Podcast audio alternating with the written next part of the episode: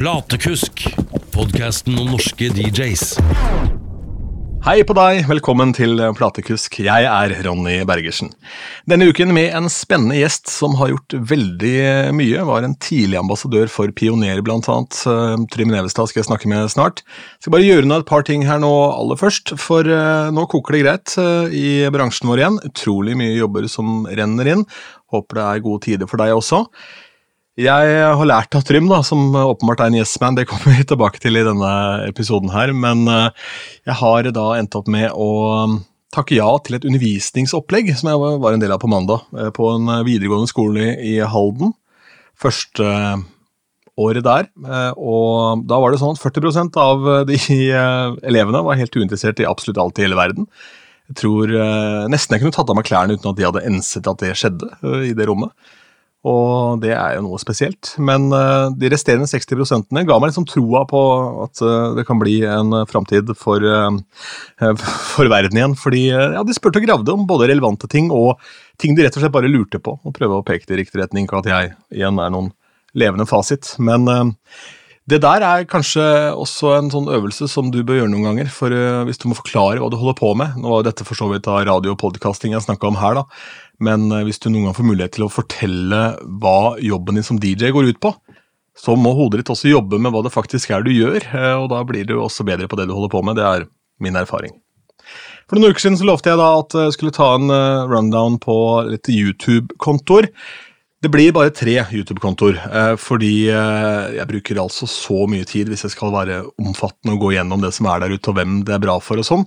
Disse tre er eh, de jeg vil anbefale akkurat nå. Det er litt forskjellige vinkler på de, og det er utrolig mye bra content på YouTube. Masse flinke DJ som deler mikser osv. Dette her går litt mer på ikke det rent miksetekniske, for i 2022 så er det noe du kan øve deg fram til ganske greit. Dette går på tilnærming til bransjen fra noen som kanskje har holdt på en stund. Og den jeg har uh, lyst til å dra fram aller først, det er en uh, herlig type som heter Mojax. Han er en uh, sånn lærer for DJ City TV, så YouTube-kontoen er DJ City TV. Og det som er gøy med Mojax, er at han lager korte videoer som bare forteller noen korte triks. Jeg spiller når jeg gjør klubb, så spiller jeg ofte på CDJs, eller så bruker jeg da Serato-kontrollere i mitt uh, ordinære liv. Og jeg har alltid hatt et eh, Eller ikke alltid, men jeg har også vært et um, Om ikke gjennomgående problem, så i hvert fall vært et sånt issue for meg at jeg ikke er like trygg på effektdelen som er onboarda på de pionermikserne, som jeg er på den som sitter på Serato-kontrollerne, fordi den har liksom kontroll på. Og Så var det noen tips og triks, da. Så ender jeg opp da med å se en bitte liten video fra Mojax hvor han forteller at hvis du holder inne tap-knappen og vrir på et av potmeterne, så kan du justere BPM-en på ekkoet ditt f.eks. veldig fort. da. Og det har jo, om ikke forandra livet mitt, så i hvert fall gjort uh, veldig mye enklere å bare plutselig få, få sveiva i gang et ekko på slutten der hvis du har litt dårlig tid eller et eller annet, må ut av noe hvis noe skjer. Så Mojax, uh, fantastisk rutinert type, en dyktig DJ også, en spennende, kul historie og er rett og slett bare opptatt av å dele kunnskap, og det tenker jeg at har en verdi. Neste på lista det er DJ Rachel, eh, og hun har du garantert sett om du ser YouTube-innhold på, på, på, om DJ-ing på, på, YouTube. For dette her er altså Skilling blant sviskene. Det er denne blonde jenta som har bodd eh, ganske lange perioder sammen med moren sin, for jeg tror hun har noen helseissues, og ha med moren i videoene. Hun tester diverse ting og tang, og de giglogsene hennes er fulle av sjarm. I motsetning til eh, mange andre som er veldig sånn hardcore på dette er det sånn du må gjøre det, dette er sånn eh, veien eh, blir til. Og det som er fascinerende med Rachel, er at jeg hørte et intervju med henne i en eller annen podkast. Lurer på om det var Tales from the Dance Floor. Jeg skal legge en link til den episoden under her. Tales from the Dance Floor, som Phil Morris gjorde for Digital DJ Tips. Og Sånn hun begynte å DJ-e, det er smått absurd, for broren hennes var DJ uh, og hadde et bryllup en lørdag kveld.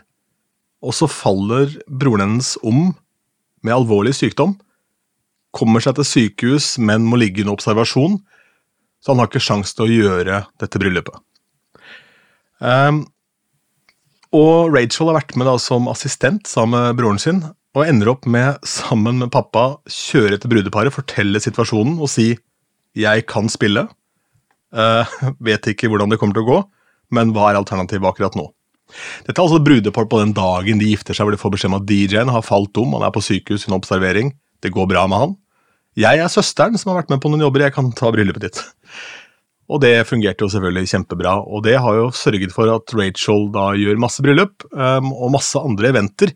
Det er egentlig der hun gjør mest, disse eventgigsa, uh, for hun gjør typ sånn cosplay-ting hvor hun plutselig er utkledd og sånn, og veldig sånn utadvendt, sjarmerende vesen. Uh, og hun har jo gjort support for band som George Clinton og Parliament, så det er ganske sånn heavy greier uh, i forhold til hvor mye musikkunnskap du må ha også, så ikke la hennes blide åsyn sørge for at du velger å ikke se på den kontoen, for der er det mye, mye bra innhold. Og en litt annen approach da enn en del av ja, denne pølsebransjen vi er en del av. og apropos pølsebransje, da, så hvis dette hadde vært en pølsebu, så hadde han vært pølsemakeren selv når det kommer til uh, event-DJ-ing. Jason Janai. Uh, velger å trekke fram han fordi han deler en blanding av et behind the scenes Eh, behind the scenes-look, rett og slett, på hans eh, business, SCE Event Group, som ligger i New Jersey. Og han er eh, en type som kommer med helt konkrete tips for mobile DJs, og har da bygd seg opp fra ingenting selv. Og er nå en av de absolutt største i USA, gjør mye sånne high class events. Blant annet gjort bryllupet til Jimmy Kimmel og flere andre. Og det som er gøy med Jason Jenna, er at han er jo sjefen for eksempel, til Nick Spinelli, som også er en stor YouTuber kan komme over veldig amerikansk. Eh, kjempeintens eh, type. Men samtidig så har han en sånn litt lugn approach til det hele. Og grunnen til at jeg valgte å ta med han framfor f.eks. Joe Bunn, som også er bra, eller da nevnte Nick Spinelli, eller Bar, eller ja, det er så mange, så mange gode DJs, er rett og slett at uh, med tanke på at han har så mange under seg og har gjort dette så lenge, så har han et litt annet tankesett. Og det var egentlig fotballspiller han skulle bli, Jason Jenny, og så begynte han med Eh, med bryting, og så endte han opp med å bli skada og kunne ikke gjøre noen av delene. Så Derfor så har han da tatt den approachen fra idrettsarenaen inn i både DJ-inga si, og ikke minst hvordan man driver da en, en DJ-business. Det er svært få av gutta som jobber for Jason som ikke bare syns det er helt topp, og ikke går videre til et eget opplegg eller blir snappa opp av noen andre.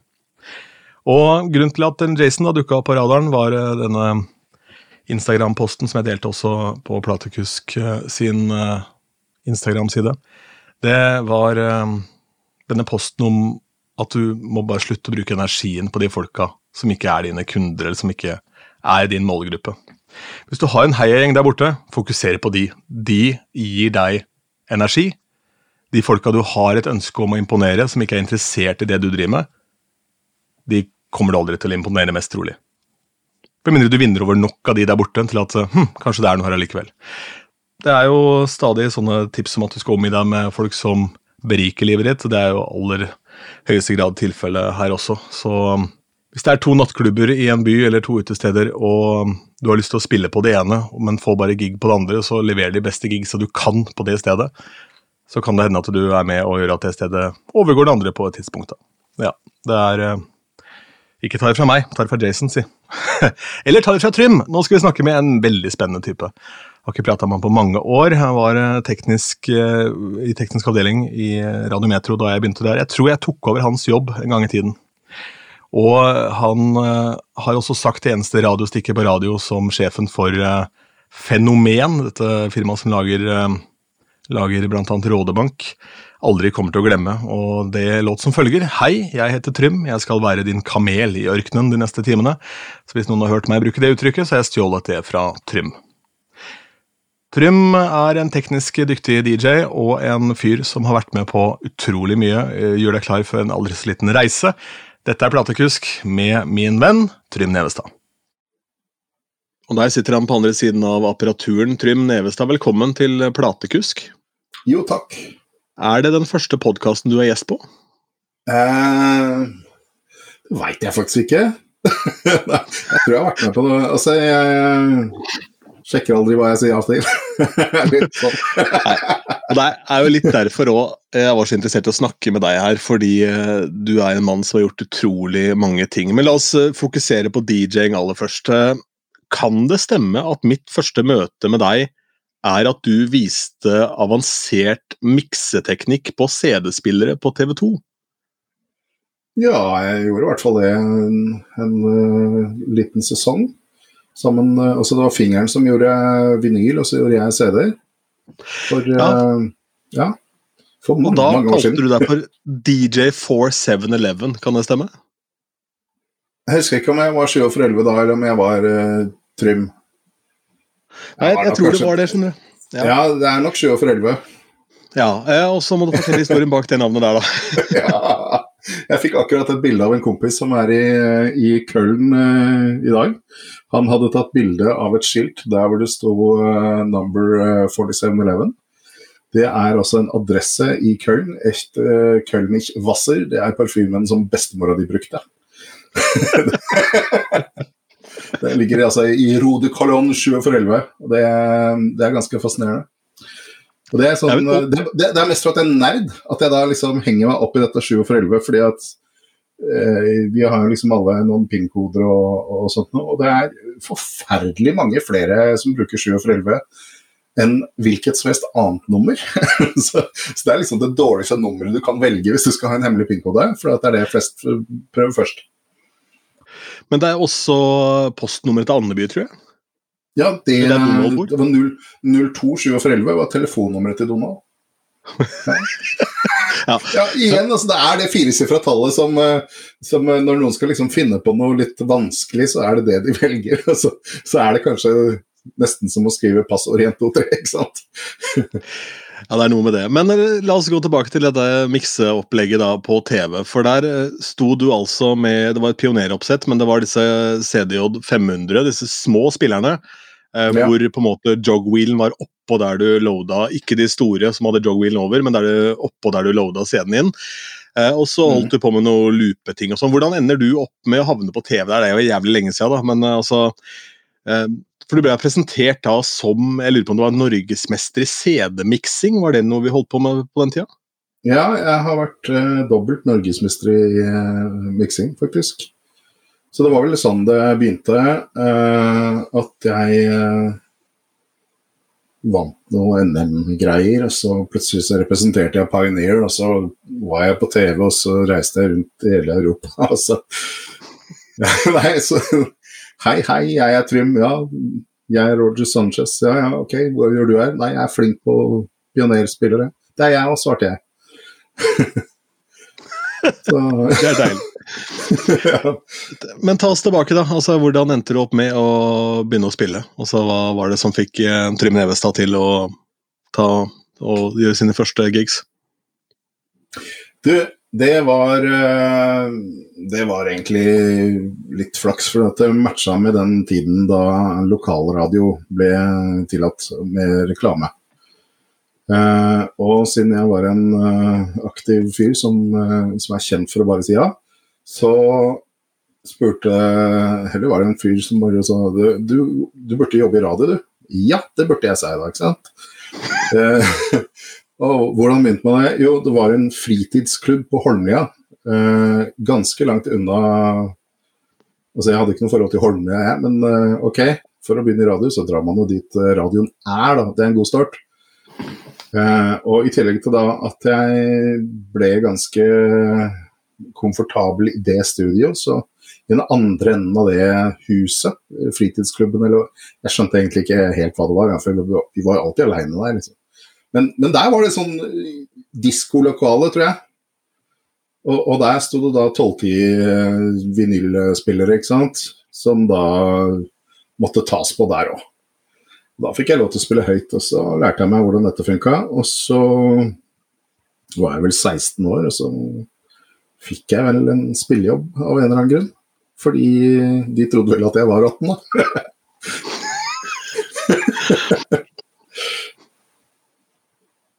det var sånn før. Ja, helt enig. helt enig. Det var jo sånn det blei. Da ble du hivinner. Ok, min første jobb var natt til uh, nyttårsaften år 2000. Og sånn, ok, Hvem på ungdomsklubben er, kan få lov av mamma og pappa til å gjøre den jobben? det var meg, da. Mm. Nei, det er, det er, Jeg vet ikke hvordan det skjer uh, nå for tiden, men sånn var det da. år 2000 så hadde jeg vel noe av det mest spennende spillejobboppdraget ever, tror jeg. For der satt jeg har miksa noen uh, sett i Oslo, fordi at jeg kunne ikke rekke alle jobbene jeg skulle ha samtidig. Så jeg hadde miksa noe sett på CD som jeg uh, hadde gjort i Oslo. Så kjørte jeg alt jeg kunne ned til Skien. Uh, og så ga jeg dem Så satt jeg liksom mesteparten av utstyret mitt der og ga dem CD-ene. Så sier jeg sett på disse da og da, disse to CD-ene. Så kommer jeg så fort jeg kan uh, etterpå. Og så gjorde de det, og så kjørte jeg videre. Og så spilte jeg på et eller annet sånt for ungdom i Arendal til kvart på midnatt eller halv tolv eller et eller annet sånt noe. Og så satt jeg med bilen og så kjørte jeg alt jeg var god for, til å rekke da tilbake igjen til Skien. Jeg fullførte DJ-settet mitt fra de to CD-ene som var ferdig innspilt. Spilte da til fire om natta, og så pakket sammen. Og så kjørte jeg ned til Tvedestrand igjen, som er da 15 minutter fra Arendal. og da sov jeg litt. Men, men det er liksom Jeg hadde tre, tre spillejobber samtidig på, på nyttårsaften 2000. Det var litt butikk, men uh, måtte trikse det til, da. Og det er jeg flink til. Trikse det til, det får jeg til. Ja, og Det bringer oss jo egentlig over til uh, firmaet ditt Big Show. Uh, for Hvis jeg husker dette riktig, riktig så drev i hvert fall det firmaet uh, i glanstiden med muskler og maskiner, damer og deng. Ja. Um, ja. Mennesker og maskiner. Damer og deng. Uh, og ta oss, igjennom, ta oss igjennom de forskjellige her. Nei, den menneskebiten er jo at jeg alltid har liksom eh, jobbet med å, å overtale mennesker og megle og få til uh, sånne ting. Få, få, mennesker til å ha det bra. Eh, eller overtale dem til å kjøpe et produkt. Eh, maskiner er Jeg er kjempenerd. Jeg har en av alt teknisk, mest sannsynligvis innen to meters rekkevidde, uansett hvor jeg er. Um, så der er liksom gathering og sånn, å er med å starte, og slutta med det for en stund siden. Og, og så er det da damer. Det, det var åtte år i Miss Norway. som uh, Miss Elverum? Nei. ja. det var han som kjørte rundt og plukka opp alle disse som hadde lyst til å være med, og holdt showet både før og etter, og kjørte bilen og Jeg har sett de fleste veier i hele dette landet, og så er det da Deng. Det er jo 18 års Nei, 20 år. 20 år har jeg vært med i Norges Wrestlingforbund. Da vi denger løs på hverandre for uh, egen og andres forlystelse. Det er moro. Ja, for Det er jo noe som aldri har breaka ordentlig i Norge. For i USA så er jo det helt gedigen. Mens i Norge så har det vært sånn i underskogen, men det var jo noe på gang der sånn for en fem, fem til ti år tilbake. Så begynte det liksom å bli en god del. Nå har jeg ikke sett noe på en stund. Det kan jo hende det er fordi du har trukket deg litt ut av ting, kanskje? Ja, de to siste årene så har man ikke hatt lov til å møte hverandre i samme rom engang. Så Nei, langt, mindre, langt mindre kaste hverandre ned i betongen og holde hverandre der. så, nei, eh, men det, nok en, det, er nok en sannhet at det hadde litt med, med min intensitet å gjøre. Eh, vi hadde ja, det var kanskje TG som var det største showet, men da var det jo 5000 stykker som så på. Vi har hatt masse kule show, og det er fortsatt show ute på veien, altså. Men det er mer sånn litt mindre. Mm. Det er det. Men for meg så var det aldri viktig at det skulle bli stort. Det var ikke det viktigste. Det var at jeg skulle ha det gøy. Ja, nettopp. Og Det har vel kanskje vært mye av motivasjonen i hele ditt yrkesaktive liv, det føler jeg, for det har vært en sånn potpurri av alt mulig rart. Jeg Eh, Jobba sammen med en radiokanal hvor det var teknisk, eh, teknisk eller sånn serverromansvarlig type. Og så gikk jeg på kino, og da sto du faen meg der med en sånn der, uh, jævla kostyme utafor, utkledd som en av karakterene fra filmen. ja. Nei eh, Moderne faderen har alltid håpet at jeg skulle finne meg en jobb, og jeg tror ikke du skjønner hvor mye jeg har jobba. Fordi at jeg aldri skjønt hva jeg har jobba med. Nei, nettopp. Jeg vet ikke om jeg skjønte det sjøl. Nei, det er, noe, det er noe med det, og så tar det ene og det andre og har det litt på samme måte. Men denne Miss Norway-greia, da, som bare får ta den Ja. De som nå tenker det der må være en sinnssykt fet gig å være omgitt av vakre kvinner og sånn. Altså, hvor lite altså, hvor lite glamorøs er egentlig den jobben du gjorde der? For det, det handler bare om fasilitering. Som alle andre jobber, får jeg si. For det er sånn eh, Det er jo de 15 minuttene på scenen eller eh, Altså, driver du med standup, så er det liksom Her har du dine 15 minutter, nå skal du være en, en fyr som alle bryr seg om. Mens resten av tiden altså, så sitter du i en eller annen bil og ringer for å finne ut hva dette stedet heter som du skal, og så er det liksom omringet av, av unge jenter som eh, skal være med på show som egentlig ikke har sovet på en stund og bare ligger og sover i bilen, og så kommer vi frem, og så har de glemt å ta med seg tingene sine, og så er vi da i Førde, og ingen av oss er derfra. Så, nei, det, det er veldig mye, mye arbeid som ikke er selve det showet hvor man omgis med flotte damer. Og Derfor så var det jo også litt viktigere å finne de altså Folk tror jeg som miskonkurranse er å finne den peneste jenta, men, men det, den er ikke det. Det er den som takler det livet du skal ha.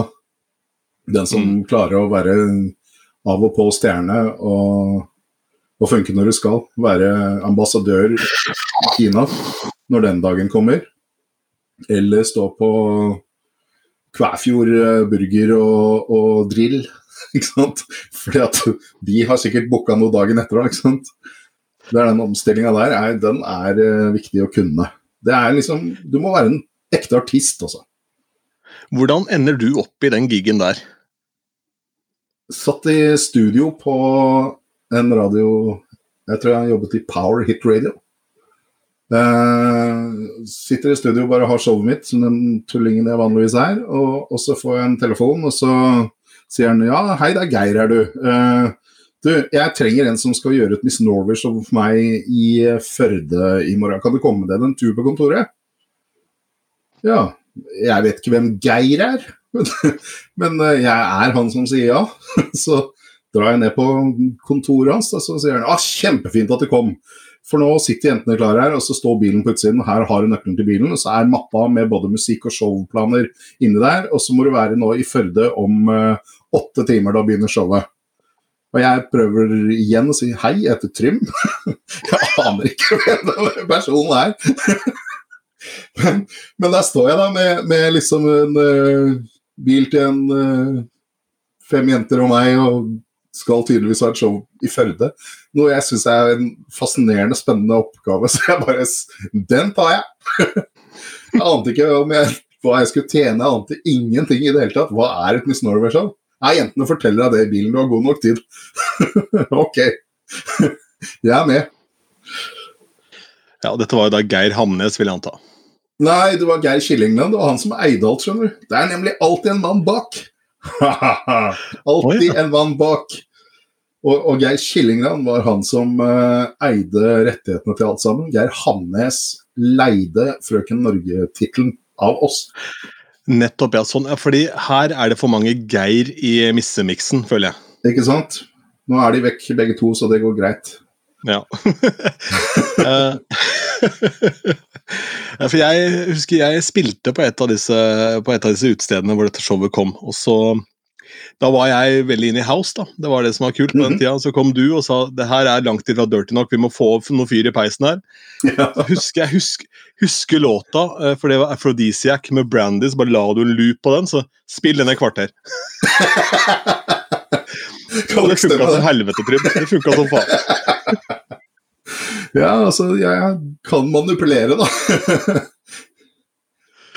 Men det, det har tenkt på mye i etterkant at ikke jeg tok liksom, til meg en lærdom. For jeg tenkte faen, er dette for en kukk som kommer her liksom, og lære meg noe? For det, det var jo, jeg var jo resident på dette stedet og følte meg liksom som uh, konge der, da, men det var jo langt ifra det. Så hadde jeg, vært, uh, hadde jeg hatt det åpne sinnet jeg har i dag, så hadde jeg lært noe av den seansen der. Uh, og blitt en mye bedre DJ à la sånn jeg er nå. mye tidligere, selvfølgelig. Ja, ja, ja. Mm, Hadde jeg lært noe av alt jeg hadde gjort der òg? fordi, fordi at jeg bare gjorde det, vet du. jeg, har, jeg har bare gjort så masse før, så jeg har jo jeg har gjort alle feil nå. Så, det, så det er jo sånn man blir bra. vet du, Kopiere den som får det til. Det er ikke flaut det å, å, å lære av en som får det til. Altså, Jeg liker også House. Det er jo bare det jeg spiller, liksom. Altså, Eller hardere, da. Jeg hadde jo aldri funnet på å spille Brandy ute, jeg. Men, Men duger det, så gjør du det, liksom. ja, ja, ja. Jeg husker det var så bra. Nei, det her er faen ikke dirty nok. Smekk, fem kvarter med den. oh, den verste lupehistorien min er faktisk eh, jeg ble, jeg ble leid inn på et eller annet som viste seg å være et sånn privat party. Og eh, det var ikke nordmenn. Men eh, jeg vet ikke hvor de kommer fra, men det var liksom eh, noe baltisk eller slav-mennesker. Eh, kanskje Romania eller et eller annet sånt. Jeg vet fortsatt ikke den dag i dag. Og, og det verste jeg veit, det er liksom feilbookinger. Når noen booker en DJ og ikke veit hva DJ-en står for, og tror at du har leid inn en mann på Spotify. ikke sant? Det er det verste som fins. Og jeg kom jo og gjorde min greie, og, og vi var tydeligvis ikke alltid enige, jeg og de i dette huset. men men eh, det kom veldig masse ønsker om å spille én låt. Ok, og jeg hørte på den, og jeg skjønte ikke Jeg skjønte ikke rytmen på den engang. For det var, et, det var noe sånn slavisk eh, greie med noe trekkspill og greier, ikke sant. Og, og jeg visste ikke hva jeg skulle bruke den til. Men til slutt da, så tenkte jeg nå skal jeg prøve den. Ja, ok, så satte jeg på den. Og det var stinn brakke, fullt dansegulv og bare Woo! Og så fortsatte jeg å spille det jeg pleide etterpå igjen, og da liksom sklei de litt ut til veggene igjen, ikke sant. Og jeg tenkte hva er dette for noe? Så jeg prøvde den igjen. Og stinn brakke igjen. Og så tenkte jeg da Dette her må jeg se hvor lenge går. og så bare loopa jeg den låta mens jeg sto og fulgte med hvor lenge disse menneskene klarte å danse til det samme minuttet med ræl. Og det gikk fryktelig lang tid, og jeg husker han, han som uh, hadde sto ved siden av meg og liksom eh, var egentlig manager, hadde skaffa meg den jobben. Han var livredd, han var sikker på at når som helst nå så kommer disse her til å bare drepe meg, ikke sant? for at de skjønner at jeg gjør narr av dem da, med å spille den låta på loop. Men, men det funka. Til slutt så orka ikke jeg mer, ikke sant? Så Nei, jeg måtte ja, spille noe annet. Dette minner meg om en sånn, Jeg gjorde en dobbeltgig back to back sammen med en uh, musiker. En sånn, key, eller sånn altså, ja, keyboard entertainer fra Balkan. Ja, For Det var da en fyr fra Balkan som gifta seg med en norsk jente. Mm. Og så hadde alle hennes venninner et forhold til meg som DJ hjemme fra Askim. Eh, Men så likte hun eh, den Balkan-beat og den greia der, og det gjorde også alle hans venner. Så vi gjorde hvert vårt sett. da. Ja. Eh, og det var en sånn deilig gjensidig respekt, for han leverte jo som helvete, han òg. Og så kunne jeg gå rett i penga, for jeg gjorde liksom tre kvarter sånn powerset med bare bangers. ikke sant? ja. Eh, så nei, det var, eh, var gøy. Og så var det sånn han, eh, han hadde reisevei hjemme også, så jeg fikk lov til å avslutte. Så fikk jeg på en måte tatt siste, siste finishen der. Men uh, jeg har kjemperespekt for disse her, eh, disse her eh, som har eh, De baltiske som har jobba på høyfjellshotell og danske båter i alle år. Altså. Jeg har skikkelig respekt for dem. For de arbeider hardt, altså. De Mm. synger samme, eller alle låter som om det skulle vært den samme. det hører ikke alltid forskjell på dem. Men de jobber, og de får det til, altså. Jeg hadde aldri orka det. Ja, nei, eh, nei, ikke jeg heller. Altså, sju dager i uka på tre forskjellige venues på en eller annen jævla båt. liksom. Og så, ja, ok, her, ja, her er det jo ja, Det er to som spiller bingo der borte, ja. Så du må Ja. likevel gjøre fire timer. Liksom. Okay. ok. Har du spilt på båt før? Du, vet du hva? Jeg har spilt på båt kun én gang. Eh, Det var på Stena Line, eh, og da var det danseband-weekend. Ja. Eh, og det var et par ting med det som var en fordel for meg. For det ene var det at han som var cruise manager, en jævlig hyggelig fyr som heter Rune, jeg har tenkt å investere i han i den poden her, for han er ekspert på danseband-DJ. Ja. Og de er ikke så mange av her til lands, så han ville gjerne gjøre de settene selv da, i på en måte restauranten, eller altså danserestauranten. Um, så jeg spilte kun diskoteket. Så jeg var jo på kino og så filmer og litt sånn forskjellig. Mm. Spilte diskoteket, Det var litt merkelig klientell der òg, med tanke på at det var danseband-weekend. Men det jeg husker aller best, var jeg skulle av båten, så var det en artistutgang. Og da har jeg en sinnssykt tung CD-koffert. Og foran meg så går Kikki Danielsson, så jeg ser jo da rett opp i den låvedøra av et uh, bakeparti hun har. For da var hun svær. Det var, da var hun på det største, liksom. Så tenker jeg, hvis hun faller nå, da dauer jeg. Er, for det var en bratt trapp, da er jeg ferdig. Da kommer jeg til å tre hele CD-kofferten opp i stussen hennes, liksom. Ja. Har ikke sjans. Men jeg må bare si noe kjapt om looping. For det, Ja, ja. Han, det stedet som du var på med dette Miss Norway-greiene i Askim, han som drev det, Mhm. det var en uh, asiater som hadde en veldig sær form for humor, for han kalte seg for Two Shop Shoe, kalte han seg sjøl. Veit. Men eh, det høres ut som verdens jævligste kallenavn, men det var noe han kalte seg sjøl. Ja, ja. Hans favorittlåt på et tidspunkt var Timbuktu med 'Alle vil til himmelen'. ja. Og så hadde de da en sånn, eh, et diskotek der hvor på en måte det Miss Norway-greiene var. Så var det en kinesisk restaurant, eh, Asia-restaurant. Og så var det en sånn ka eh, kaffebar slash eh, liksom lounge-greie på kvelden da, i helgene. Og Ja. hang mye på den kaffebaren, og spilte mye for han fyren her. Og så digga han lurte på eller Jeg lærte han å loope, da, for han syntes eh, 'Alle vil til himmelen' var så jævla bra. ja. Så var det en gang på en ukedag der hvor jeg var innom, og så viste jeg den loopen, og så gikk jeg da eh, rundt og gjorde noe ærend og sånn. Kom tilbake kanskje tre kvarter etterpå, kom inn i lokalet, så går faen meg samme låt.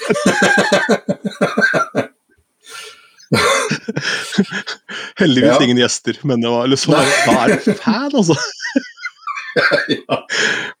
Men jeg lærte altså det der i eh, Jeg tror det må ha vært 92 eller noe sånt. Også.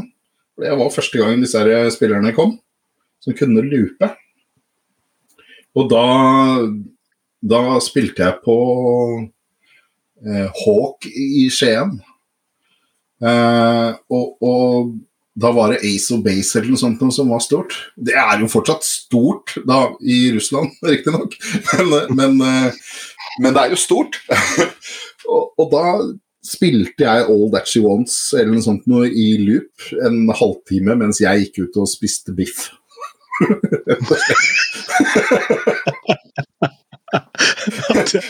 Jeg orka ikke mer Ace of Base, men det gjorde de.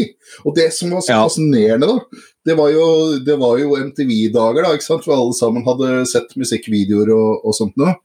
Så det var jo liksom masse jenter på gulvet som sto og dansa til den der All That She Wants-greia. og alle sammen dansa den samme videoen, eller den samme dansen som de hadde sett på videoen. Ingen av dem holdt beaten! Det så ut sånn som de gjorde på videoen. Og jeg har aldri noensinne sett altså, jeg, jeg klar, Det var derfor jeg måtte gå og spise biff. Mennesker som danser ut av takt. Det, jeg, det, det skjær Jeg skjønner ikke. Er er ikke det en Eddie Murphy-vits? liksom? Er ikke det en Eddie Murphy-vits at eh, hvite folk de danser til teksten, ikke til rytmen? Jeg aner ikke. Det, det, kan jo kan stemme, det. Men dette med looping og, liksom, og litt mer de avanserte teknikkene som gjorde at du vant disse miksekonkurransene, endte opp på TV. da. Altså, Ja, ja. Var det det faktum at du er så sinnssykt geek da, som gjorde at du på en måte dykka ned i de spillerne og knakk den koden eh, ja, i større grad enn mange andre på den tida, kanskje? da? Nei, jeg tror det var for at jeg psyka ut alle de andre. Rett og slett. For jeg tror eh, de fleste andre er minst like flinke som meg. For så vanskelig var det jo ikke, da. ikke sant? Eh, Men jeg psyka ut de andre. For jeg syns at den gangen Altså, DJs, de, de var så selvhøytidelige, ikke sant? Vi var det, vi også, i starten. Jeg veit. Men, men. Men, men eh, de var liksom så kule. Og så kom jeg inn, og så hadde jeg noen CD-er i, i baklomma, ikke sant? For jeg tenkte kanskje jeg skulle være med på denne konkurransen, men jeg hadde ikke skjønt så mye av greia. Og alle de andre de kom jo bærende med masse kofferter og damer på armene og ikke sant. Og, der sto det altså to oppsett, da, sånn Pioneer-oppsett. Og så spurte jeg da disse dommerne om jeg kunne få lov til å bruke begge. Og det skjønte de ikke hva jeg mente med. Så jeg kan jeg få lov til å spille på alt som står her samtidig? Eh, ja, men nei, altså det er ikke vanlig. Det er jo det er liksom du pleier Vi bytter jo fra den ene til den andre. Liksom. Ja ja, men kan jeg få spille på alt samtidig? Ja ja, det skal du få lov til. Ja, så gjorde jeg det, da. Ikke sant? de Mikserne var ikke kobla sammen, så jeg sto med to headset og bytta, så jeg så ut som en apekatt. ikke sant? Men det er morsomt, for da brukte jeg fire CD-spillere, to miksere, eh, og, og mens de andre viste hvor flinke de var til å spille house, så dro jeg inn dyrene i Afrika og alt de har å gjøre. og jeg dro inn ganske mye sånn annet, da, for jeg hadde jo lagd disse CD-ene mine sjøl. Så jeg hadde de kutta jeg trengte for å bare sparke den rumpa der den skulle sparkes. ikke sant? Jeg spilte jo ikke da en tilfeldig CD som jeg hadde fått av plateselskapet. Liksom. Jeg var forberedt. Og, og da jeg tuppa i gang det, så var det rett og slett ganske mange som trakk seg. Det syntes jeg var kult første året når jeg vant, og så tenkte jeg det er jo forferdelig teit. Fordi det er ikke noe morsomt for noen. Så andre året så tenkte jeg nei, nå får vi være ordentlige her. Prøve så mange som mulig, men øh, Nei, jeg tror rett og slett jeg var litt for sterk psykisk og, og knakk veldig mange av, øh, av konkurrentene mine. Fordi dommerne hadde aldri sett noe lignende det jeg gjorde, ikke sant. Det er jo en veldig unorsk greie, da, og det kalles vel I dag så kalles det vel for eh, controller, altså controllerism. eh, Da man på en måte spiller med disse her eh, hot cues og alt mulig, men på den tida så var jo ikke det noe man gjorde i det hele tatt. Man spilte jo four on four og Ja, ja, miksa i, i det var dritkjedelige overganger, og det skulle gjerne vare to og et halvt minutt.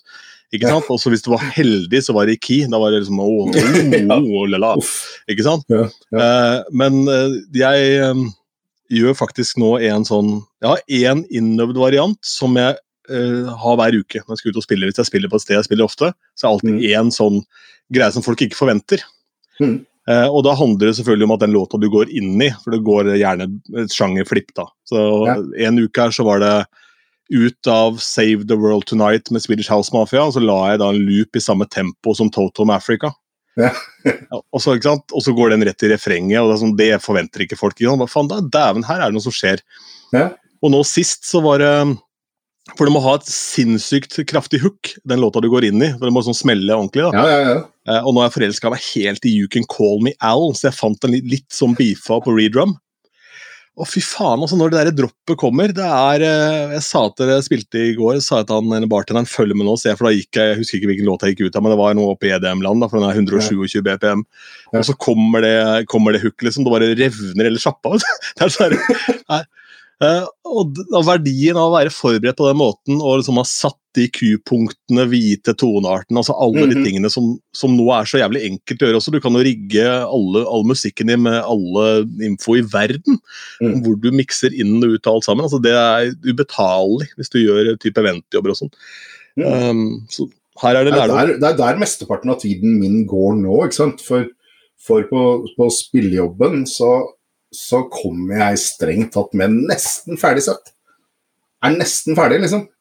Eh, det er jo bare fordi jeg vet ikke hvor lang tid det tar før folka kommer inn og sånn, men jeg har liksom tima inn her skal det smelle, og da går nesten alt på automatikk hos meg. Mm. Fordi at jeg har jobba lenge i forkant da, med at dette skal sitte, og det er jo ikke altså, Beatmixing er jo ikke det vanskelige. ikke sant? Det er dette, Du må være key, og du må ha hooks, og du, droppet skal være riktig sted. og Bommer du litt på trommene, så, så er det pinlig, ikke sant?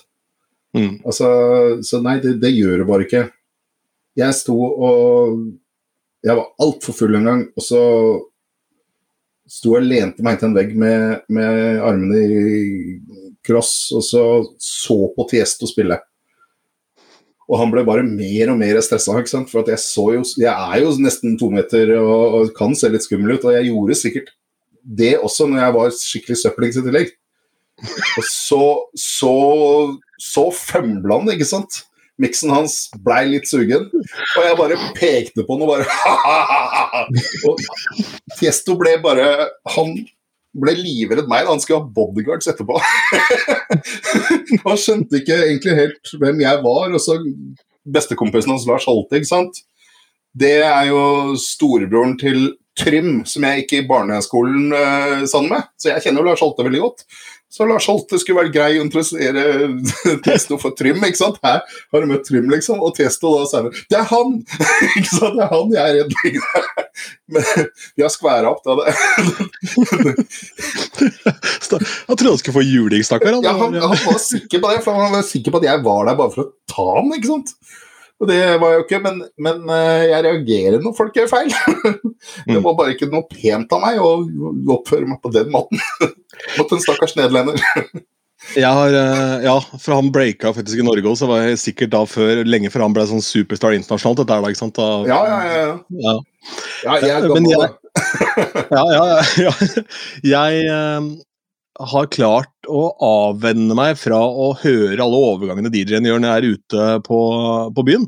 Hvis Mhm. jeg er ute en kveld sjøl, da klarer jeg på en måte å Så lenge stemninga er bra, og flowen i rommet er bra, eh, og ja, selvfølgelig dansegulv og sånn, og da er det mye viktigere for meg at det roterer på riktig måte, at det på en måte flipper gulvet, at du får liksom en naturlig flow i kvelden.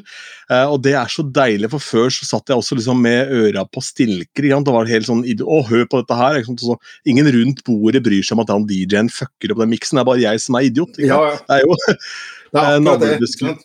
Ja. Det, det, er, det er deilig å komme seg forbi den, altså. Fordi at eh, Det er faktisk noe av det som er eh, det, det vanskeligste i, i hele vår bransje, syns jeg. Fordi vi møter jo veldig sjelden de andre på jobb. For vi er på jobb sjæl. Så jeg har jo Jeg kjenner jo massevis av DJ som jeg liker kjempegodt. Men jeg har ikke hørt dem spille, ikke sant. Fordi at vi har ikke jobba på samme stedet, for det har man jo ikke gjort. Så, så det er veldig sært sånn. Så, så den derre Vi hadde en uh, tur med DJ Promotion til, uh, til Helsinki. Det var veldig bra, for da var liksom ingen av oss på jobb. Men da møtte vi hverandre, og så fikk vi liksom litt mer eh, feeling. Uh, det var den første opptreden til Aqua også, og de største bølgene hvor samtlige på båten var grønne i ansiktet. Hvor Lene fremførte Barbie Girl med, med Hun hadde en bøtte ved scenen som hun spydde i før hun sang, og etter hun hadde sunget. Fordi at eh, De skulle liksom promotere seg for, for alle DJ-ene i hele Norden da, som var på den eh, båten. Og René Diff er jo DJ så det holder. Han er jo dritbra, liksom. Men han tjente mer i Aqua, da, for å si det sånn. Ja, ja, ja. Han kom Altså, på vi- andreplass. Da, da jeg vant NM, så kom René Diff på andreplass. Oi, wow, Og- kult. Og jeg ville bytta med han når som helst. Men, men det er jo et eller annet med at vi sitter jo liksom her og flirer av Aqua og sånn, men Aquarium har solgt over 10 millioner X, altså. Det er, Jeg det er helt, helt, ja. Jeg kan jo Eh. tippe i gang Barbie Girl nå. Ja. Altså, ikke, sånn som vi, ikke sånn som den hørtes ut da. For nå har man jo eh, all verden som mikser med det. Men det er jo alltid score, altså. Jeg spiller eh, jeg gjør veldig mye bryllup og eventer og sånn, og jeg smeller inn det, men jeg gjør liksom bare ett minutt av den. eh, bare så Ja, ja. folk eh, kjenner igjen, og så Og gjerne på en måte fra den starten, så hei, Barbie, du kan synge med til det, og så får de bare refrenget, og så banker de inn i noe annet liksom, som er mer moderne. Men jeg er nå 36, da, og hvis bruden er like gammel som meg, så det, jo- går det jo helt rundt i huet på hele gjengen idet de får den låta. ikke sant? Ja, Eh, men for guds skyld, hvis du da dropper den inn fra eneren og lar hele låta gå, så er det jo tømt eller brakka. Da har jeg alle reist for lenge siden. det, er, det er noe med det, altså. Ja, rett og slett. Men eh, skal vi se. Da vinner du disse konkurransene, og hva slags type jobber gjør du da som DJ? Du har vært liksom innom at du gjorde Hawk og masse forskjellige ting, men hvordan så landskapet ut her til lands da, for, for Trym, eh, eller for 7-Eleven, eller hva faen du kalte det? Eller hva jeg kalte meg da, ja. Ikke sant? Mm. Nei, det har alltid vært litt av problemet. Jeg vet ikke helt hva jeg har kalt meg. Så derfor så har jeg liksom ikke jobbet opp noen navn. Men jeg har jo kjent alle sammen og gjort jobbene og tjent penger for både meg og de som booker meg. Så etter at jeg eh, scora den eh, tittelen, så Hva skjedde da? Jeg husker ikke. Jeg tror jeg Altså, 90-tallet er litt vekk. jeg, jeg hadde to flasker Tangeray på, på rideren min hver dag. Ja. Så, så, så jeg spilte veldig mye for, eh, for Pioneer på Ble liksom sendt ut i en uh, dag eller en helg eller til et eller annet land. Jeg veit ikke helt hvor jeg var, rett og slett. Uh, men tilbake igjen i Norge så ble jeg mer og mer uh, alternativ og spilte på liksom type So What og, og sånn synt goth-greier, som jeg også er veldig glad i, da. Eh, så, så, i Oslo så var jeg han-fyren. Og, og, i resten av eh, Europa så var jeg house- og triksefyr. Så, så ja. sånn var det.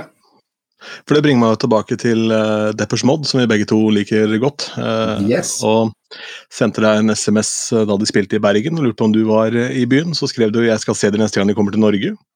Ja, jeg gjorde det. Men det, det har jo vært en del av dette alternatives-opplegget som er uh, i, uh, oppe i Rockefeller, oppe i etasjen her, i leia. Ja, ja, ja. Er. Uh, men dette For da spiller du liksom synt pop og nyveiv og den bagen der, da. og gjør en spesialisering på det. Ja, og igjen altså provoserer jeg, for at det konseptet er jo egentlig at de skal spille musikk som var alternativ på 80-tallet. Eh, men jeg har jo tolket det som at jeg skal spille musikk fra 80-tallet på min alternative måte. så, så, så, mens de normalt sett eh, møtte litt andre sære toner, så, så var jo Tarzan Boy med Banana Eller hva Baltimora. Baltimora, ja. det er liksom sånn der, Nå får du 30 sekunder av det, ikke sant?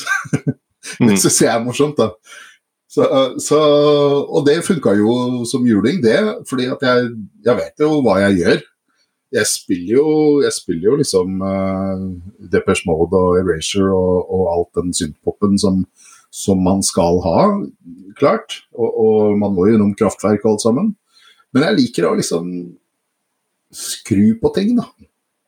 Jeg syns det er, er, bra, for det er veldig mange andre uh, steder som bare spiller ting rett fram. Um, men jeg liker å være litt mer kunstnerisk og artist, rett og slett.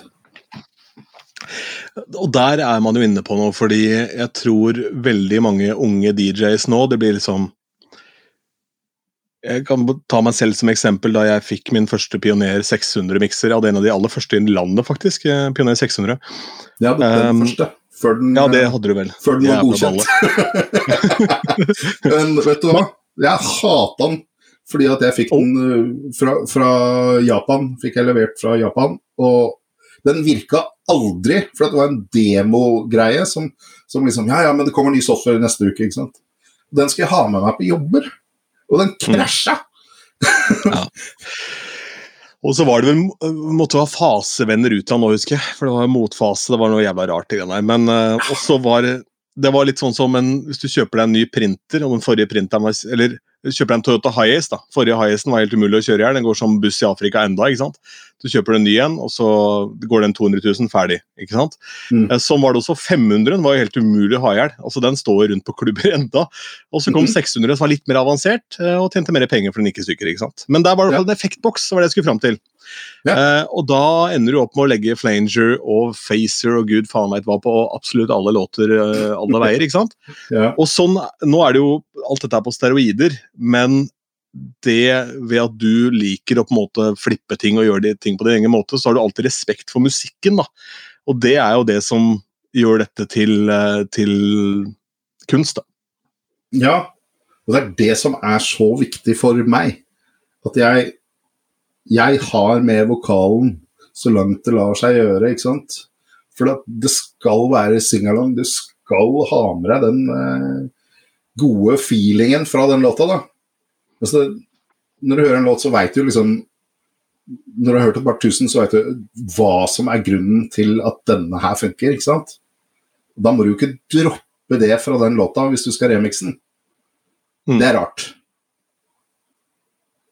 Så, så, du må jo finne ut hvordan kan jeg få denne sterkeste biten til å, til å bestå, mens jeg tar uh, Bee Gees 'Staying Alive' som, som låt under. ikke sant? For da er sånn der, Hva er det han driver med nå? Det syns jeg er gøy. ikke sant? Hva, hva, gjør han nå? Og det er ingenting som er verre i verden enn en dårlig mashup. Nei, en halvdårlig mashup er det verste. Den dårlige, den driter du med en gang. Men den der halvdårlig som du faktisk vurderer å spille for at den kan være litt morsom. Men den er jo ikke bra, ikke sant? Men den er litt morsom, og så blir du litt dum, og så spiller hun, og så angrer du etterpå. Så halvdårlig mashups er det verste som fins. Apropos mashups, jeg gjorde en litt sånn rar DJ-gig, for det var en ganske rolig fredag, men så var det en av gjestene i lokalet som var tatt med dit av en kompis av meg. Fordi eh, han eide et firma og var stinn av gryn. Så kompisen min tenkte at hvis jeg viser hva jeg kan, så blir jeg sikkert booka dit, og det blei jeg. Så det var jo smart. Da måtte jeg gå skikkelig for det med sånn halvfullt lokale. Det var egentlig litt sånn rart.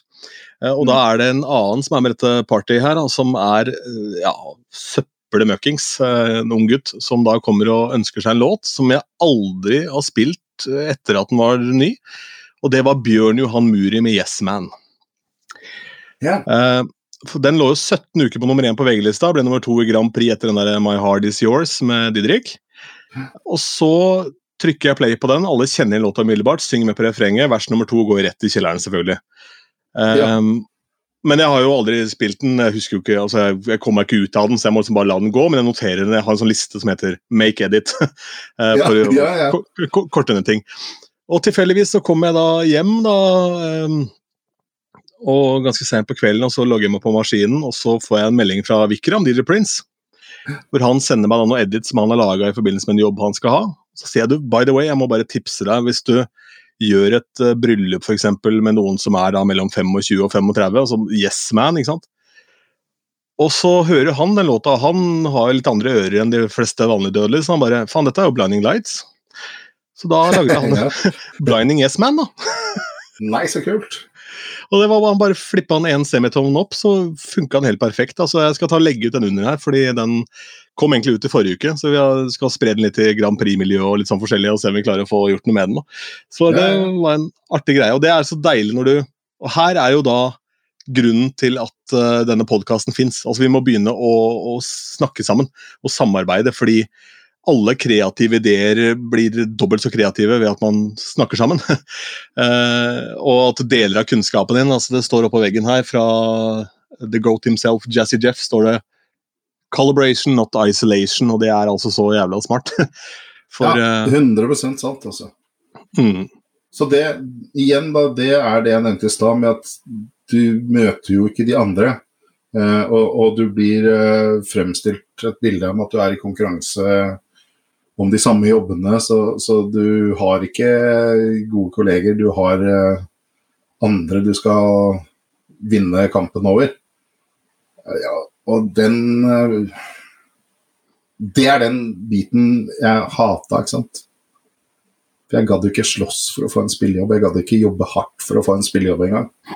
Fordi jeg visste jo hva jeg kunne, og de som hadde lyst til å tjene penger, de booka jo meg, tenkte jeg. Ja. ja og, og, det har jo på sett og vis fungert, men, men, uh, men uh, da er det jo sånn uh, Noen marked viser seg som mer seriøse enn andre, da. Sånn, så hvis du spiller, altså jobber i Trondheim, de har jo alltid vært proffe. De har alltid visst hvem du er når du kommer. De behandler deg bra, og det, du får betalt, da. Ikke sant. Uh, mens i Oslo så er det sånn uh, Har alltid vært sånn noen som kan spille billigere enn deg, og har en fetter da, som er billigere enn deg, og så, så har han billigere enn deg, og så alle er billigere enn deg, da. Hvorfor er ja. du så dyr? Det er liksom fordi at jeg lever av det. Hva, hva tenker ja. du da? og fordi jeg skjønner at dette er et fag. ja. For det der har overraska meg mange ganger. sånn heldigvis ikke vært så mye borti det selv. Jeg har sikkert vært heldig, da, men mange kollegaer som da har eh, spilt for utestedseiere som ikke forstår verdien og har riktige folk på jobb. ikke sant? Eh, og som da bare setter en eller annen klovn der som bare spiller noen greier rett opp og ned, mens det en ordentlig god DJ kan gjøre, er jo rett og slett å kontrollere hele rommet. Folk kan jo ende opp med å drikke fem, seks, sju enheter mer enn de hadde tenkt fordi stemningen er der. ikke sant? Eh, og da blir det plutselig det regnestykket hvor du forteller at uh, nei, jeg må ha de 4000 kronene eller hva det er man tar, eller fem eller ti eller hva pokker det er. Det er jo det peanøttpenger. ikke sant? Hvis du har et rom med 500 mennesker og alle drikker fem øl mer enn de hadde tenkt. Da blir jo Ja, absolutt. Det, det, er så innlysende matematikk, da. Så, så igjen, da, den Depeche Mode-greia. Jeg, jeg, lagde jo alle Depeche Mode-partyene i, i Norge og har reist etter dem rundt omkring i Europa og spilt på afterparties. ikke sant? Noen ganger planlagt, andre ganger fordi at jeg ville. mm, ja. så, så, så, så, når vi lagde Depeche Mode Party, og jeg sa at uh, vi spiller bare Depeche Altså, de har gitt ut så mye musikk, så det går greit. Jeg har uh, alt. Jeg kan spille det i fire-fem timer, jeg og ingen som trodde på meg. ikke sant? Men, men, da vi gjorde det første gangen på So What, så, så var det liksom sånn uh, Klas kom bare bort til meg etterpå og liksom, vet du hva, det er, det er, omsetningsrekord. Dette er det villeste jeg har vært med på. ikke sant? Mm. For jeg veit at det går an. da. Hvis du gjør ting riktig, så kan du styre, styre butikken fra den boksen du står i, altså. Ja, og det er altså en følelse som eh, nesten ingenting annet i verden kommer i nærheten av, når du på en måte har hatt en sånn kveld hvor du bare har rulla av gårde, da, hvor folk kommer opp og lurer på hva er det du holder på med, her, dette er jo egen idrett, det du driver med her, liksom. Fordi det er og der, hvis du hører på dette her nå og blir fornærma av dette her, så gå og øv. For det er så jævla mange ræva DJ-er. Så hvis du faktisk da vil og øver og virkelig går inn for det, så ligger veien åpen for deg, da. Mm -hmm. Det er mange ræva DJs, men det behøver ikke bety at man må være det resten av livet. Det er jo valgene man gjør, ikke sant. Det går an å, å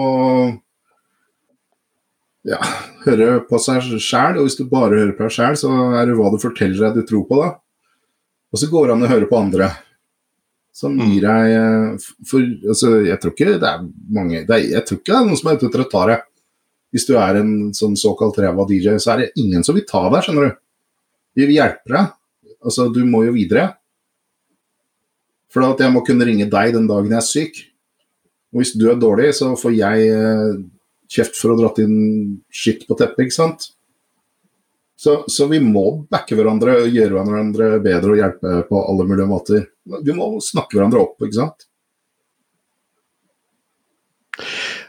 Det er essensen egentlig i hva denne bransjen burde vært, men hva den dessverre nå ikke er. Altså Jeg håper at kanskje pandemien har fått tankene litt på glid, men det er altfor mange som har sittet og skrevet med albuen og sutrer over at det ikke er noen spillejobber, framfor å da bruke den tida til å rydde i musikkarkivet sitt. Og så, eh, mm. Kanskje sortere og altså, lære seg litt mer om uh, miksing i key og energinivåer og gud veit hva. Men uh, mm. der uh, det, Ja, altså Fordi hvis du tenker at ja, men jeg er flink, jeg, for jeg får jobber, men så um, er det å høre på en kollega og tenker shit, han er helt sinnssykt god, så er det ikke sikkert det skal så jævla mye til heller, før du kommer dit. Og hvis du klarer å komme det lille kneppet, så den jobben vil føles helt annerledes. Uh, og du vil oppleve at folk kommer fra publikum opp og lurer på du, uh, visittkort, er det mulig å få noe ganske umiddelbart, for dette her var gøy. ikke sant? Mm. Og det skjer altså Det høres ut som masse skryt her, men det skjer hele tiden nå. Jeg har brukt mm. så mye tid i den pandemien her på å lage innøvde varianter og bli bedre på det jeg holder på med. Mm. Uh, og ja, nå renner jobben inn, rett og slett. Og det er, uh, det er masse hardt arbeid. altså Masse timer med øving ned i den fuglekassa en leilighet jeg bor i nå. Men uh, det, er bare, det, er bare, meg. så jeg, Det som skulle vært en liten stue jeg innreda til studio her, så står vi her time inn og time ut. Blør jo ut av øra. Men samtidig så er det da man etter hvert finne ut hvor lite som faktisk skal til, og hvor mye muskelminne og sånn det egentlig er involvert her. Eh, når ja, du faktisk da får det til å sitte, altså den, den følelsen det er eh, Å, herregud. Og, og Det er ingenting som er bedre enn å høre på en annen DJ som er dritbra, fordi da skal jeg prøve å se om jeg får det til. Altså, det verste er å være på toppen, da. Og ikke lære av noen. Det, mm. det er kjempeensomt, ikke sant. Men, men det å, å, gå og oppleve andre liksom Å, det her var dritkult, det skal jeg også prøve. Det er jo sånn man har klart alt annet, da. Altså, om du hopper på ski eller løper fort, det spiller ingen rolle. Må, altså, hvis det er noen som løper fortere enn deg, så må du finne ut hva de gjør, da. Mm. Ja, det er et eller annet med det å spørre, da. Fordi eh, det verste Ja. du får, det blir litt som å prøve å sjekke opp en dame. Du kan gå bort og spørre om hun vil være med og spise middag, og så sier hun i verste fall bare nei, og så ler de litt av deg. Men altså, hallo, hva, det har skjedd verre ting i, i, i verden enn det. Ja, altså, du får jo ingenting hvis du ikke spør, da. Mm. Nå har jeg Nå- jobba med å plukke opp tusenvis av damer i året. men- det, er- det, er- det er noen som har sagt nei òg, men det har liksom ikke brydd Det har ikke gått hardt inntil meg. Nei, det er noe med det. Jeg hørte Tom Mathisen, Herodes Falsk, de står i boka til Herodes, som for øvrig er en helt sinnssykt morsom og bra biografi. eh, Apropos opplevd mye. Der sto det at de hadde jo da eh, seks-syv strippere som var da leid av de på heltid da de gjorde show, han og Tom. Mm. Og så var de ferdig med show, da, så går de i garderoben, og så bare Faen, det var de damene, ja. Altså, her sitter jo da eh, Vi har sju toppløse damer som henger rundt her, ja. Ja, dere får ha det bra, da. Bare, da ja, for det, det er, ja, det er noe deilig med det. Men uh, nå om dagen gjør du noe ja, nå om dagen gjør du noe helt annet, eh, Trym. Altså, du har hatt en omskolering eh, og kvitta deg med mye av de tingene du drev med, eh, og det var sikkert sunt. Ja, jeg måtte, jeg måtte rydde opp litt, eh, rett og slett. Eh, og så var det ja, noen, noen kjipe ting som eh, gjorde at jeg måtte tenke annerledes da, ikke sant. Og sånn er det, for nå blir jeg snart eh, 50 år. Eh, så nå er jeg ikke like mye på å underholde folk, men jeg gjør det egentlig på en måte allikevel for meg selv. Nå har jeg blitt eh, registrert hypnoterapeut, og vi har bare 26 stykker som har eh, fått den tittelen eh, godkjent i Norge. Da. Og det er jo ganske spennende. Og det Jeg har studert en som heter Elman, f.eks. Han begynte jo som radio-DJ, og det er han som har liksom skrevet mye av de teknikkene vi bruker i dag. Så han uh, jobba på, på, på både radio og klubber og komiker og, og sånt noe. Så ble han hypnoterapeut. Men hva er det? Hva er hypnoterapi? Du, jeg hjelper folk med å snu de tankene sine som, som sitter fast litt, eller de vanene du ikke har lyst på, eller de tingene som er litt pinlig å snakke om. Sånne ting. Eh, for det er ikke alltid man har noen å snakke om helt, eh, helt fritt. Eh, og så er det veldig vanskelig å komme seg ut av et tankemønster om du ikke får en annen som bare tupper deg litt, ikke sant. Så, så mens andre da Hvis du skal gå gjennom hele dette i løpet med psyko, psykolog og sånt nå, så er du jo en pasient hele veien, ikke sant. Du skal snakke om alt som er galt, og så kommer du til meg istedenfor. Eller i tillegg, så ser ikke jeg på deg som en pasient, for jeg orker ikke høre på at du er sjuk, da. Jeg ser på deg som en eh, vanlig fyr. Jeg kaller deg en klient. Og så, så spør jeg etter at du har fortalt alt som er verst, så sier jeg ok, hvordan skal vi ha det, for jeg orker ikke høre om mer eh, tingen. Så, så må du begynne å tenke på den nye måten. Og det provoserer jeg frem, og så er det sånn at hjernen da utvikler seg. Det du tenker eh, masse på, det syns den er spennende, og det kommer fortest frem etterpå. Så det er lett å endre seg hvis du får den riktige hjelpen. Så det jeg gjør, er å unngå å snakke om problemene, og snakke om hvor fett man kan ha det. og da bruker jeg jo egne erfaringer liksom, med alt jeg har gjort på godt og vondt. Hvordan jeg har lært av meg nå, da. Hvor deilig det er å vokse og, og, og kunne si at du er ikke i kamp mot andre DJs for å få denne jobben, liksom. Det er ikke sånn. Nei, vi har mange, og er, du får jobb, og hvis folk liker dette, så er det flere som hyrer, og da vokser vi, vet du. Helt riktig. Også, og hvis du legger ned innsatsen, ikke minst. da. Det er noe med det. Igjen, Ja, det er ja, fag. ja. ja. Det, det er et fag.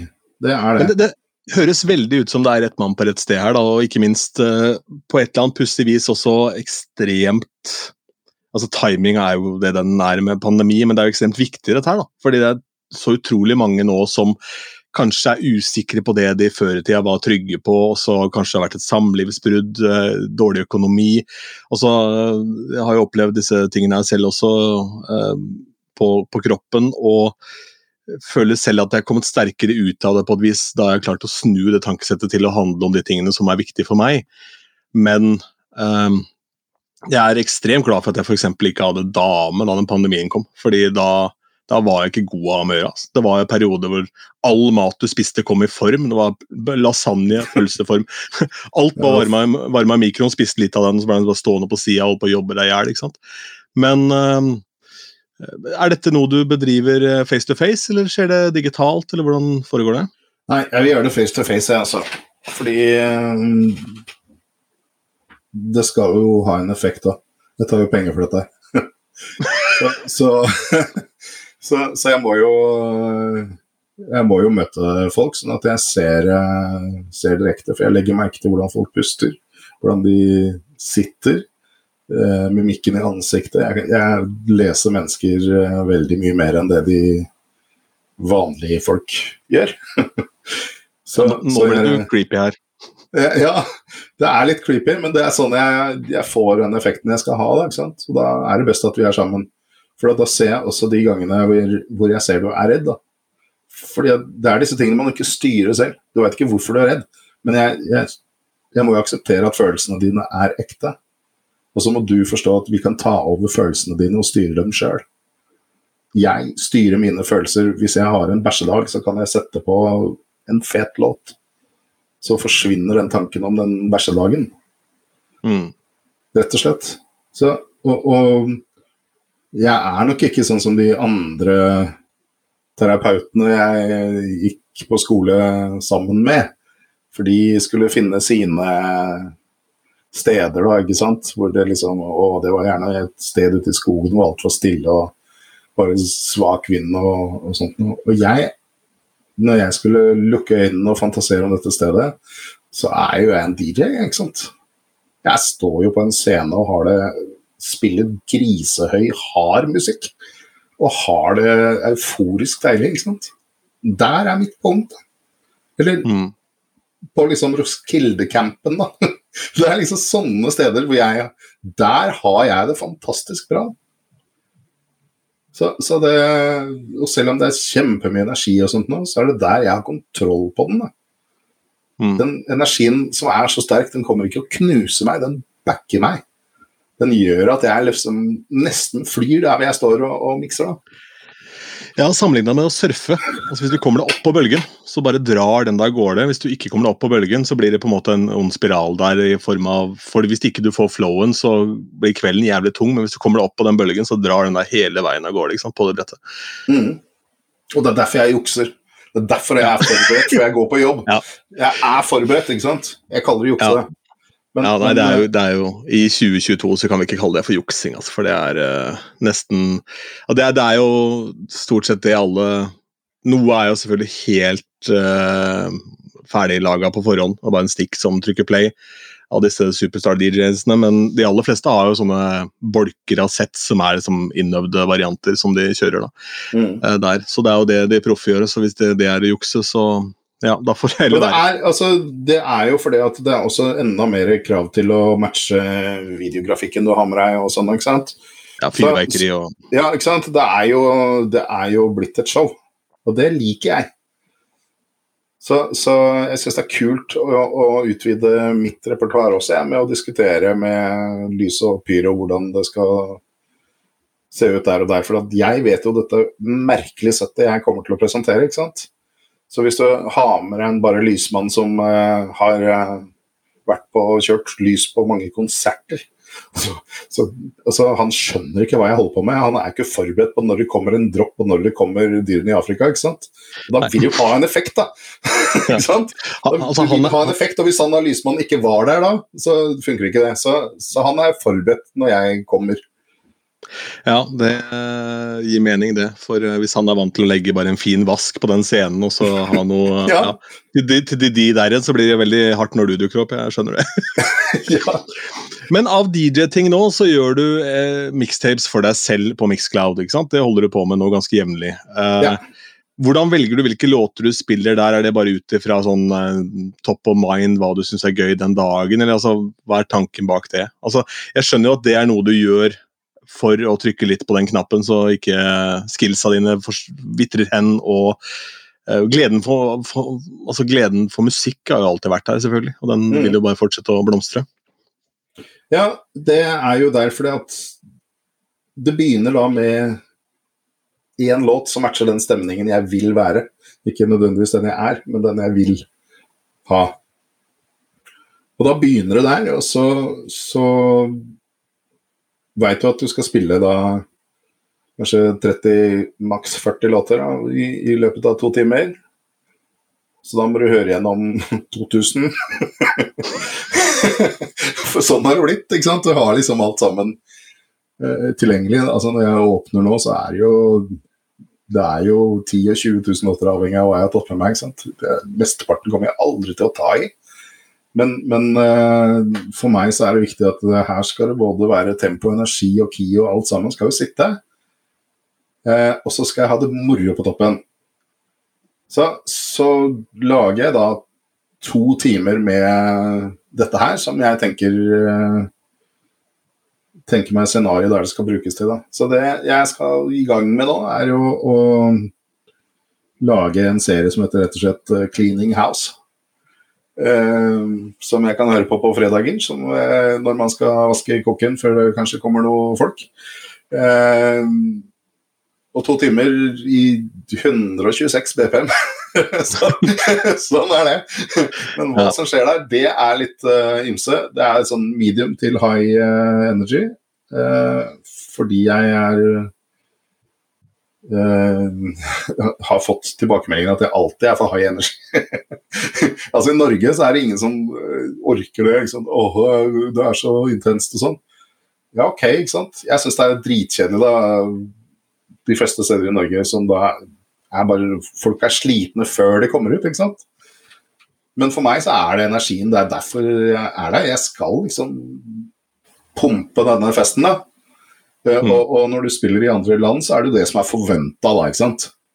Mm. Så, så jeg husker jo Jeg har jo gjort bommertjobber, jeg har blitt booka i, i Nederland eller Tyskland. og tenkte at jeg skulle spille litt sånn der, passe sånn for å varme opp, ikke sant. Og skjønte at eh, eh, dette her er, dette har de spilt på morgenshowet på radioen, ikke sant. dette er ikke intenst uh, i Nederland. det er sånn, hva, hvor, når kommer hardstyle, eh, ikke sant? Ja, hvor er Thunderdome? Ja, ja ikke sant? Det er, er, er ingen av trommene dine sprengt og overstyrt, liksom? Nei, det er rart det med kultur. Jeg hørte Pete Twang fortalte første gang han booka David Morales, var det vel, til uh, Minishow Sound. Ja. Og så skal han spille, og så har han en to timers slott, da, og går på kanskje klokka tre på natta eller noe sånt. Og så kommer Pete opp ikke sant? så ja, jævla bra sett og sånn. Bare, hva mener du? Er jeg ferdig nå? Han pleide å gjøre fem-seks timer han i USA. ikke sant? ja, ja, ja. Nei, det er, det er noe der, altså. Mm. Så, så jeg har måttet uh, bli flinkere på å, å bare Jeg er med live to timer, for å si det sånn. Selv om jeg må spille lenger et sted, så, så kan jeg ikke mer. For da, da hører jeg ikke annet enn det er samme låta i headsetet. Da er det grums, ikke sant. Ja, ja, Så, ja. så jeg klarer ikke skille det lenger. Eh, så, så det går jo ut på hørselen, men, men, eh, men Men to timer, det skal i hvert fall sitte akkurat der det skal, ikke sant. Mm. Det er så viktig. Jeg Nå skal jeg glemte å prøve si å gjøre det hver uke. jeg skal se om jeg får til det. Ja, så lenge du på en måte Det er litt sånn som eh, Hva er det de sier om det å drikke? Don't drink to be happy, drink to be even more happy. Ikke sant? Altså Da Ja, er det ja. ikke et problem. Eh, og hvis det, Dette er jo en happy place for deg å gå til, eh, og hvis ikke det blir et ork, at du føler at du eh, nå, nå tar jeg din jobb her, kjenner jeg. Som, Takk. Ja, Nei, men jeg, altså- jeg lytter fordi at jeg er jo en Jeg innser at jeg er en tosk. Så jeg burde Ja. ta en, en i måneden. Ikke sant? Jeg burde jo det.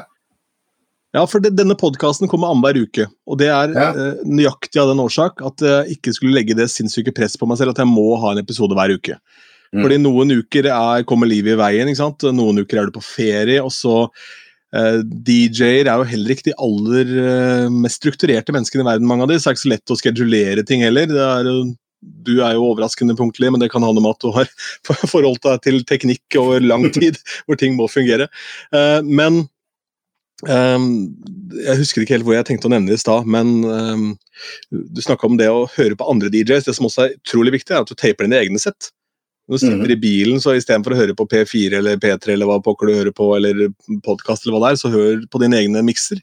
Hvis mm. du eh, ikke gjør det, så vet du egentlig ikke helt hva du har gjort, fordi eh, hvis du står eh, bak en main PA og den dundrer ut, så eh, Hva som kom ut av monitoren din, kan jo låte kule og krutt etter at du har drukket seks øl der, men det er ikke sikkert det var så fett allikevel. Så, mm. Nei, så, så som regel så har jeg hørt DJ-settet mitt eh, i hvert fall tre-fire ganger ferdig før jeg drar på spillejobben.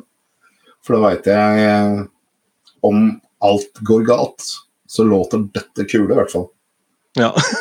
det er en, en trygghet, da. Det er et sikkerhetsnett, da. Ja, det er, det er jo det. Og så, og så kan man jo leke seg eh, Altså, er man komfortabel, så leker man mer, ikke sant. Ja, ja. Altså, spontaniteten kommer da ofte da du har på en måte det å falle tilbake på. Det er det de sier. Alle burde egentlig spart den første millionen de tjener. Og de har hatt den på konto. Så hadde de Mm. på en måte hatt den bufferen. Eh, så burde du levd som en fattig eh, fillefrans fram til du hadde en million på konto. For da kunne du gjort hva, hva pokker som helst. ikke sant? Det er jo, I det store bildet så er det det man snakker om. Det er akkurat det samme med DJ-ing. Hvis du da har gjort den forberedelsen og veit at du har noen innøvde varianter, du har en bolk her som garantert går over med denne målgruppa, altså bla, bla, bla, alle disse tingene her som bare funker, så kan du også gjøre mye morsommere ting, da. Men eh, jeg er også stor tilhenger av ikke øve på spillejobb. Da. Altså Du øver hjemme hvis du skal gjøre noen litt artige varianter, så prøver oh, ja. du ikke den. Ja, Ja, ja, eh, Apropos forberedelse. Men Ja, ja. Nei, nei, men det, det, er, det kan du da rett og slett Når jeg sier at du er litt mer kreativ og morsom, det betyr jo bare ok, da tar du Henter det du har gjort på andre sett som du egentlig ikke hadde tenkt å gjøre her nå. ikke sant? Kan du legge inn den da, for den sitter jo fingra her. ikke sant? mm. Du har jo alt. Hvis det- jeg har sittet og hørt på denne podkasten og tenker vet du hva, hypnoterapi det er akkurat hva jeg trenger nå. Altså, hvor, Hvordan får man kontakt med deg? Jeg jobber i Agderterapi. Agderterapi.no. Så der kommer det folk fra Oslo til eh, Mandal, til uh, Evje eller andre steder innover i landet. Jeg kan ikke alle disse stedene, men det er du reiser til meg, og så kommer du og snakker med meg et par eh, ja, tre-fire ganger. Hvis du vil, da. Hvis du ikke vil etter første gangen, så dropper du det. men de fleste kommer tre-fire ganger, og så finner de ut at uh, livet er eh, deilig. Altså. Mm. Høres ut som den perfekte medisin for ganske mange nå om dagen. Fordi eh, Ja, Det jeg er det er mange som går, går rundt med maske, altså ikke bare en sånn covid-variant, men foran trynet, fordi eh, Kanskje er det helt tomt på bankkontoen din, så er du på byen for eh, mastercardet ditt fordi du skal opprettholde appearance. Jeg, mener, jeg Mhm. tror det er mye sånn skjult eh, psykisk sykdom der ute også, som det, det blir en pandemi av det òg, tror jeg. Ja, det er dessverre veldig, veldig mye av det. Og altså, søvn og sånn er kjempeviktig. Og så tenker du sånn Ja, men jeg har ikke gjort annet enn å være hjemme og slappe av, ikke sant. Men du har jo sett på da, Netflix til klokka fire om natta, og det er ikke riktig, da. Ikke sant? Du Mm. skal jo sove, og så skal du stå opp, og så skal du leve, og så skal du sove når den tiden kommer igjen. ikke sant? Det er disse rutinene der som er, eh, er det som gjør at du får mer igjen både av søvn og livet ditt. da. Når du sorterer de tingene. Ja, nå må vi snart gi oss her, for dette her trykker på noen knapper hos meg som jeg ikke orker å gå til. Jeg, jeg har døgnrytmen fra helvete om dagen, så derfor, ja, jeg jobber med saken. Men det får vi komme Ja. tilbake til. Før jeg lar deg gå, så har jeg et par faste poster. Eh, Ja. Og har du Shazam på mobilen din? Eller Soundhound, sånn Ja, det er sikkert. Ja, kan du sjekke hva det siste du Shazama var? Soundhound kan vel kanskje Historie. Eh, Big Data med Dangerous Oliver Remix. Husker jeg ikke hva det er for noe. Nei. Da får vi søke opp den, da. Og så er det diverse k-pop. Ja, ja, ja. ja. det Var, var ikke like gøy som forrige, forrige episode, hvor det var um, um, Ole H.C. fra Jesus Loves Electro. Den sangen han hadde shazama sist, den het Narkotika. Men uh, jeg nevnte for deg også at vi har en Hall of Fame her, da, som er egentlig en potpurri av en Spotify-liste bestående av tre sanger fra alle som er gjester i denne podkasten. Da vil jeg ha to uh, bangers, og det kan være fra hvilket som helst segment av denne merkelige potpurrien av en karriere du har hatt også, for du har vært innom så mye rart. Men to ja. låter som på en måte du um, hadde stor suksess med som DJ den gang da, som var liksom floor fillers for deg, da? Det som alltid virker, er Eurythmics Swings, Sweet Dreams of Melodies. Gjerne den derre Hva heter den for noe? Ja, Grosso, uh, Ingrosso-miksen, ja. Den, den, er, den, er, faktisk en av de bedre sånn elektromiksene, for den er så tro mot originalen, samtidig som bare omfer det opp akkurat der hvor den skal omfes. Uh, den, er, den, er, den er helt, helt nydelig. Ja. Eh, og så har jeg også lyst til å nevne at i den forbindelse så tror det er Club Killer, som er en sånn record pool, som har kommet med en helt fantastisk epic a cappella inn. Eh, ja. hvor, du har, hvor du bare har en high-hat som går, og så går den rett inn i penga med Og den Åh, oh, fy fader, den har jeg brukt mye, altså. Ut av EDM og sånn, for den har så høy intensitet. Ja, for den sitter jo i hva som helst, ikke sant? Hmm. Det er jo, det er jo Nei, den, den uh, ja, på DJ-settene mine så har jeg stort sett en, en variant av den låta. Mm. Ja, nei, det, det var me meget bra forslag. Nummer to? Nummer to er uh, fordi jeg er skikkelig fan av uh, Freemasons. Så er det der, der, sleit jeg litt med hvilken jeg skulle velge, om jeg skulle ta liksom Wonderful Life med Hurts med Freemason uh, Clubmixen, eller om jeg skulle ta Nei, det, altså Uninvited, når den der pianogreiene kommer, da, da, blir jeg klam. Altså, det, er helt, det, er, det er deilig, det. Men Wonderful Life med Freemasons remixen av Wonderful Life av Hurts Teksten der er også nydelig.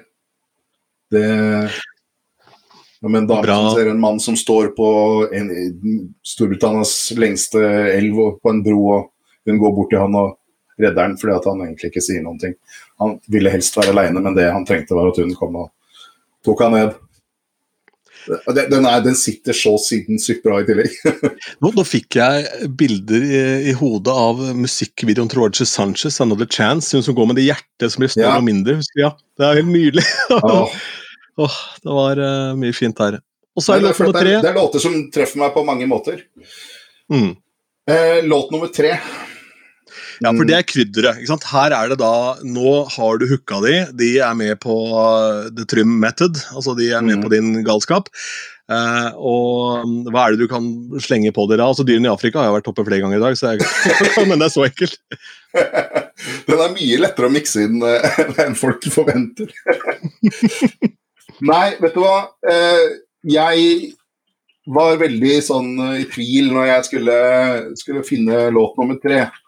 Fordi eh, det er en nederlandsk duo som heter Block and Crown. Og når jeg skulle tenke Nå skal jeg finne en, en, Du kan sette på hvilken som helst av de. Det er svaret, egentlig. Hvilken som helst av de. Når jeg skal Block and Crown på, på musikkappen min her, så får jeg opp 1009 låter. de. de ga ut uh, I pandemiåret 2021 så ga de ut 63 låter. Og det er bangers! Det er, og det er kvalitet. Uh, det er uh, Det er helt vilt. det er helt vilt. De, de er eh, Han, han uh, Block han er uh, 56 år gammel, og han uh, Crown han er vel 40 et eller annet.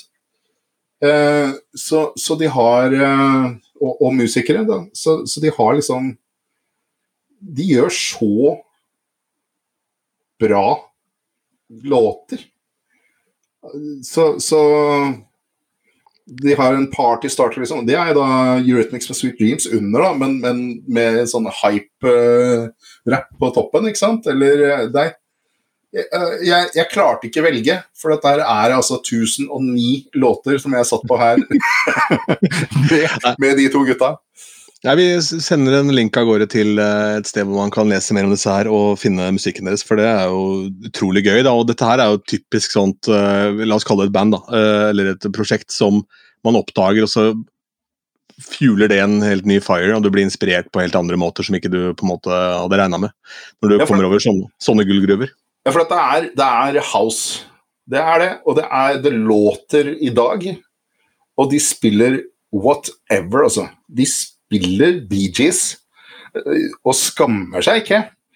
For dette låter biff, ikke sant? Så, så, så det, er, det, er, helt rått. Noe av det er originale låter, andre er rett og slett låter du har hørt før, men ikke visste altså, Du veit ikke hva den heter heller, for du finner den ikke noe sted, denne låta. Ikke sant? For de har gitt ut en ny siden da. Mm. den, siste, den siste nå var uh, uh, Nei, jeg husker ikke. Only You eller Nei, nei jeg, jeg, sender, jeg sender av gårde, eller legger en link under, eh, under poden her. Ja. Uh, før jeg sender av gårde, så må jeg nevne for deg hvilken house-låt som gjør det med meg, som den Freemasons-miksen av den låta gjør med deg. Og det er Billy Ray Martin, 'Your Loving Arms'. Oi! Jeg søker den opp med en gang. Ja, for dette her det... vet jeg ikke engang hva er. Jo, det vet du skjønner når du trykker play på den. Ja. Eh, for Billy Ray Martin har, har, også en låt som heter 'Honey', som var med på 'In Search of Sunrise' med Tiesto. Eh, som var en veldig jeg tror var en chicane-mix eller et eller annet av den. Ja, ja. Som var veldig sånn digg, sånn chill house. Eh, chill og rolig trans-ting. Og så aner jeg ikke hvorfor. Jeg lurer på om jeg jobba i en platebutikk. Ja. Så endte jo opp med å bestille inn en låt til med Billy Ray Martin. For jeg solgte noen singler av den første, og så var det ingen som ville ha dem, for de visste ikke hvilken låt det var. Så jeg endte opp å ta med du, I konkurs, sånn var det. Ja. Så endte jeg opp med å ta de singlene jeg syntes var kule.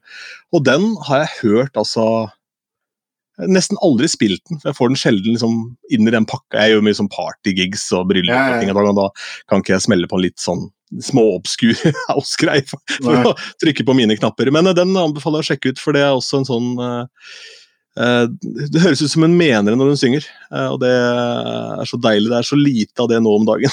Det er så mye ja, polert. Det er mye samples, og ja. ja. Når hele greia bare føles i, i ryggmargen, og du, du fyller på stoltheten som en brusflaske, liksom. Det bare bobler oppover. Det er dødsdeilig. Eh, radiokollega Espen Hoff sa en gang på radio altså, Har du noen gang opplevd å få gåsehud på kroppen på steder hvor ikke du visste det gikk an å få gåsehud. Og så spilte han Black Eyed Peas, 'Where Is The Love', uh, for da var det den sommeren hvor den herja. Uh, og ja. dette er en sånn låt som kan gi deg den følelsen. Altså. uh, ja. Og de sangene må du ta vare på, om ikke annet for din egen del. For ofte så trenger man jo da det man vel i nettverden kaller for eye bleach. Altså du trenger jo air bleach fra tid til annen hvis du har stått og spilt Venga mm. Boys og dritt og lort. så kan det hende du trenger det. Men Trym, dette var en sann glede. Utrolig glad for at du sa ja. og for, eh, for, et liv det har vært så langt. ja, det er mer igjen, altså. Det er mer igjen. Ja. Apropos altså, gåsehud, jeg vet, ikke, jeg vet, ikke, om du vet dette, men jeg har lært én ting om gåsehud. Hvis du får det er altså, hvis du får gåsehud på pikken, da Du veit hva du skal gjøre da? Nei. skal du trekke deg ut av gåsa og seriøst revurdere sexlivet ditt.